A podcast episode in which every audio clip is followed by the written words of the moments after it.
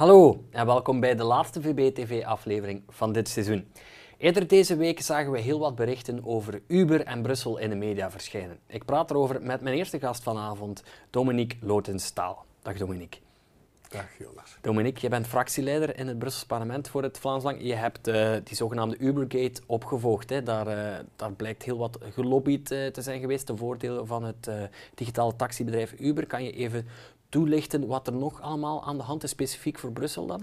Wel, het is zo, eerst even uitleggen. Uber heeft blijkbaar een zeer sterke lobbymachine die in het verleden in Europa overal wat actief was. Er was een zekere meneer Mark McGahn als lobbyman voor Uber, die onder meer contacten had met eurocommissaris Nelly Kroes, ook met toenmalig minister van Economische Zaken Emmanuel Macron in Frankrijk. Maar het spreekt voor zich dat voor een platform als Uber Brussel belangrijk was. Mhm.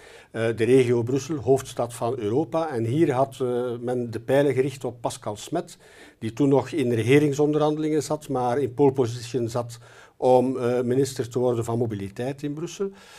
nu, ik moet u wel zeggen dat in Brussel er wel meer wordt gelobbyd, zo ook de taxisector. Die is ook al jaren sterk aan het lobbyen voor de eigen belangen en voor het, ja, voor het tegenhouden van andere platformen. Deze taxisector is ook sterk geïnfiltreerd in de PS in Brussel.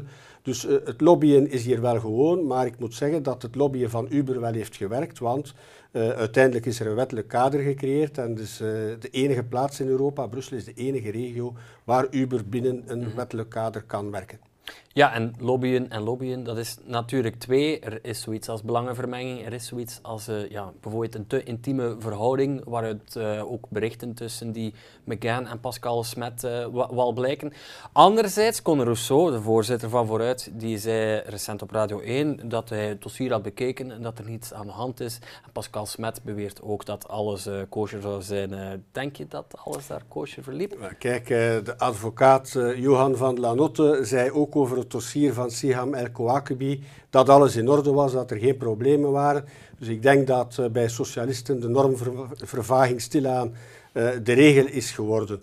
Uh, wat een feit is, dat is dat er wel zeer, zeer nauwe contacten waren tussen de lobbyman van Uber en Pascal Smet, gaande van talloze afspraakjes tot en met ontbijtgesprekjes in hotels, het uitwisselen van pikante berichtjes. Ja, dat op zich is allemaal eigenlijk al ongezond, eh, vind ik. Mhm. Maar uh, wanneer we dan ook nog vaststellen dat er eigenlijk een wederzijdse beïnvloeding was. Dat uh, bijvoorbeeld het regeerakkoord van Brussel in 2014 eerder bij Uber lag dan dat het bij de parlementsleden was toegekomen of bij de pers, kan men daar zich toch vragen bij stellen. Wanneer men uh, ook vaststelt dat uh, uh, er een wetgeving blijkbaar gecreëerd is, een wettelijk kader dat helemaal op maat van Uber werd geschreven en dat daarover berichten werden uitgewisseld tussen de minister en Uber, ja, dan, dan denk ik dat we toch een brug te ver zijn gegaan. Ja, het, het, voelt inderdaad wel vies aan. Nu, hoe de vork precies in de steel zit rond Uber en Pascal Smet, dan moet de onderzoekscommissie die misschien opgericht wordt uh, uitklaren. Want het Vlaams Belang heeft natuurlijk een onderzoekscommissie uh, of, of, of, gesteund. In afwachting daarvan, je hebt ook wel nagedacht over regels rond lobbywerk, rond beïnvloeding. Wat, welke regels zouden dat moeten zijn? Want zoiets zou dan niet meer kunnen, denk ik. Wel, eerst en vooral moet er een onderzoekscommissie komen om deze zaak tot op het bot uit te spitten. Want wellicht is het maar het topje van de ijsberg die in de media mhm. verschenen is. Uh, en dat moet verder onderzocht worden. En wanneer blijkt dat Pascal Smet zich schuldig heeft gemaakt aan corruptie of aan beïnvloeding, ja, dan is er natuurlijk geen plaats meer voor hem in de Brusselse regering. Maar uh, ik, ik, denk dat deze onderzoekscommissie tot meer kan leiden. En ik ben dan ook blij dat ook andere partijen een onderzoekscommissie vragen. Deze uh, onderzoekscommissie moet ervoor zorgen dat het contact tussen politici en lobbyisten, het contact tussen politici en, en bedrijven, dat dat geregeld wordt. Uh, want dat er contacten zijn, dat is normaal. Maar wanneer een minister zich in een bepaalde richting laat masseren door een lobbyman, ja, dan, dan zijn we niet meer normaal bezig. Dus ik denk dat er een regulerend kader moet komen. Een soort deontologische code ook over hoe omgaan met uh, bedrijven, hoe omgaan met lobbyisten. En ik denk dat deze onderzoekscommissie er uiteindelijk moet voor zorgen dat er een einde komt aan deze duistere achterkamerpolitiek. Mhm. Want ik denk dat zowel de politiek als de bevolking recht hebben op transparantie.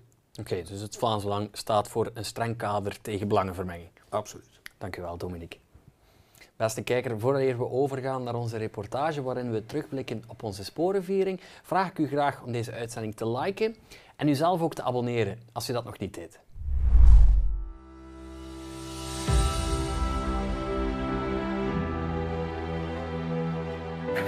Beste Vlamingen, vandaag en morgen moeten we tonen dat we fier zijn op ons volk. Fier op Vlaanderen. Vandaag en morgen herdenken we de mensen die ons zijn voorgegaan in hun strijd. Een strijd tegen overheersing en onderdrukking. Als wij willen dat de overheid de immigratiekranen, gezinsherenigingen, misbruiken van politiek asiel en kranen van illegale inwijking dichtdraait, dan moeten wij soeverein over onze grenzen kunnen beslissen. Als wij willen dat de overheid de belangen van het Vlaamse volk dient en niet omgekeerd, als wij willen dat die overheid van de Vlamingen echt de overheid van en voor de Vlamingen wordt, dan moeten wij werk maken van een soevereine Vlaamse staat. Laat dat onze duidelijke 11 juli boodschap zijn.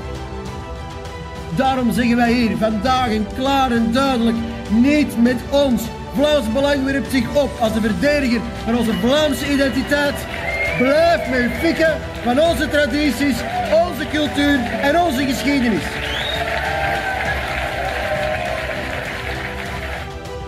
Daarom kiest het Vlaams Belang resoluut al bijna 45 jaar lang voor een onafhankelijk Vlaanderen. Want enkel in een onafhankelijk Vlaanderen kunnen we terug baas worden over onze eigen grenzen, kunnen we onze koopkracht versterken en kunnen we Vlaanderen Vlaams houden. Kortom, in 2024 nemen we onze toekomst in eigen handen.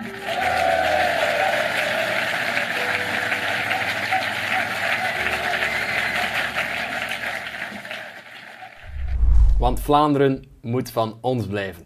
Intussen zit mijn tweede gast voor vanavond bij mij aan tafel en dat is Ilse Malfroot. Dag Ilse. Dag Jonas. Ilse, Vlaams parlementslid. Jij houdt je bezig met gezinsbeleid. Je hebt ook die speciale onderzoekscommissie rond kinderopvang opgezocht. Hè? Want die, uh, opgevolgd beter. Je hebt daar natuurlijk ervaringen. En die onderzoekscommissie is er gekomen na dat zeer onfortuinlijke drama in Mariakerke in kinderopvang Sloeberhuisje. Die onderzoekscommissie heeft een rapport klaar. En kan jij misschien toelichten wat er allemaal in dat rapport staat, alsjeblieft? Jazeker, dus wij zijn met de commissie nagegaan waar het fout ging. En de belangrijkste conclusie daar is eigenlijk dat gans het, uh, het agentschap kind en gezin, zal ik maar zeggen, het agentschap opgroeien, dat dat één grote puinhoop is. Hè. Want de dossiers zijn daar onduidelijk, ze worden niet opgevolgd, klachten, signalen, meldingen. Alles heeft een andere manier van werking. Er is niks van eenduidigheid of uniformiteit, waardoor dat er natuurlijk zaken verloren zijn gegaan en waardoor dat er natuurlijk niet snel genoeg is kunnen optreden. Tweede belangrijke conclusie is natuurlijk dat er te weinig manschappen waren. Zowel bij kind en gezin als bij zorginspectie. Om al die voorzieningen goed te gaan opvolgen, ja, zijn zij daar met te weinig mensen. En een derde conclusie die we kunnen maken, dat is dat in dit rapport, in tegenstelling tot de PFOS-commissie, dat we daar wel gekomen zijn tot het aanduiden van verantwoordelijken. Zijnde de verantwoordelijken bij het management, maar ook de politieke verantwoordelijkheid van minister Beke. Ja, dan hebben we het over mevrouw Verheggen bij het agentschap uh, Opgroeien en inderdaad voormalig uh, voogdijminister uh, Wouter Beke. Belangrijk natuurlijk, want inderdaad in België en in Vlaanderen wordt dat wel vaker gedaan, politieke verantwoordelijkheid ontlopen. Nu, um, voordat we naar de politieke oplossingen overgaan, laten we daar eventjes bij stilstaan. Hoe groot is die, die verantwoordelijkheid van mevrouw Verheggen en minister Beke? de verantwoordelijkheid van mevrouw Verheggen is niet te onderschatten, hè, want zij heeft talrijke alarmsignalen gekregen. Er waren parlementaire vragen, er was een actueel debat. Um, er was de onderzoeksreeks van het laatste nieuws, waarin dat ook heel veel probleemdossiers werden aangekaart. Dus mevrouw, mevrouw die was op de hoogte van een aantal zaken, maar zij had niet de urgentie om snel op te treden. Zij zag die urgentie niet. Zij had ook geen enkel schuldbesef toen er zaken fout liepen. En ze heeft eigenlijk die kinderopvangsector ja, verkeerd aangepakt. Zij heeft niet gedaan wat zij moest doen. En dat was snel gaan optreden en sneller gaan sluiten. En wat minister Beke betreft, ja, hij heeft een cruciale inschattingsfout gemaakt door eigenlijk die ernst van die zaken niet in te zien en door te veel te gaan betrouwen op um, de administratie, zijnde mevrouw Verregge, wat zij hem allemaal heeft voorgelogen, laat me dat wel zo stellen. Dus hij heeft te veel vertrouwen gehad in, haar, in zijn administratie en hij heeft daar te weinig en te laat op de vingers getikt. Dus zij is wel degelijk politiek verantwoordelijk voor hetgeen bij haar uh, administratie is fout gegaan. Ja, het is bijzonder dramatisch allemaal. Ik denk ook dat je de verantwoordelijkheid als dusdanig hebt geduid dat de, als, als mevrouw Verheggen en minister Beke hun werk hadden gedaan, dat het drama in uh, het Sloeberhuisje misschien wel kon voorkomen worden. Nu, Gedane zaken nemen helaas geen, geen keer, maar wat belangrijk is, is natuurlijk dat politici ervoor zorgen dat er geen nieuwe drama's en uh, wantoestanden plaatsvinden. En daarvoor zijn die aanbevelingen uh, opgeschreven in het rapport. Het Vlaams Belang heeft daar natuurlijk ook aan meegewerkt. Kan je even die aanbevelingen tot slot uh, toelichten? Ja, een zeer belangrijke aanbeveling natuurlijk. Dat is dat we meer centen gaan voorzien in de sector. En omdat het van belang is dat we ook die werkdruk bij die kindbegeleiders gaan verlagen. Want we weten dat er wel een impact is tussen het aantal kindjes dat aanwezig is en de Te veel kinderen per opvanger. Ja. Te veel kinderen. Het is zeker van belang dat we daar gaan uh, zorgen voor minder kinderen, zodanig dat die werkdruk verlaagd wordt. Maar dat vraagt natuurlijk extra financiering. Mhm. Ten tweede, we moeten ook zorgen natuurlijk voor extra manschappen, zelfs bij kind en gezin en ook bij zorginspectie, om allemaal die voorzieningen sneller en beter te kunnen inspecteren, maar ook te kunnen gaan opvolgen. En drie, wij moeten ook zorgen voor het voorzorgsprincipe, dat dit wordt toegepast, dat wanneer er ernstige klachten zijn of ernstige vermoedens van mishandeling, dat je daar sneller kan uh, schorsen, omdat je op die manier de voorziening en de ouders ook een beetje rust geeft om te zorgen dat je, dat je kindje toch veilig is en dat het grondig wordt onderzocht. Dus meer zorg voorzien enerzijds en anderzijds meer doortastend optreden wanneer dingen mislopen. Correct. Oké, bedankt Ilse. Van de Gezinspartij. Zeker. Beste kijker, laat ook zeker jouw mening achter onderaan in de reacties. En ik zie u graag na de zomer.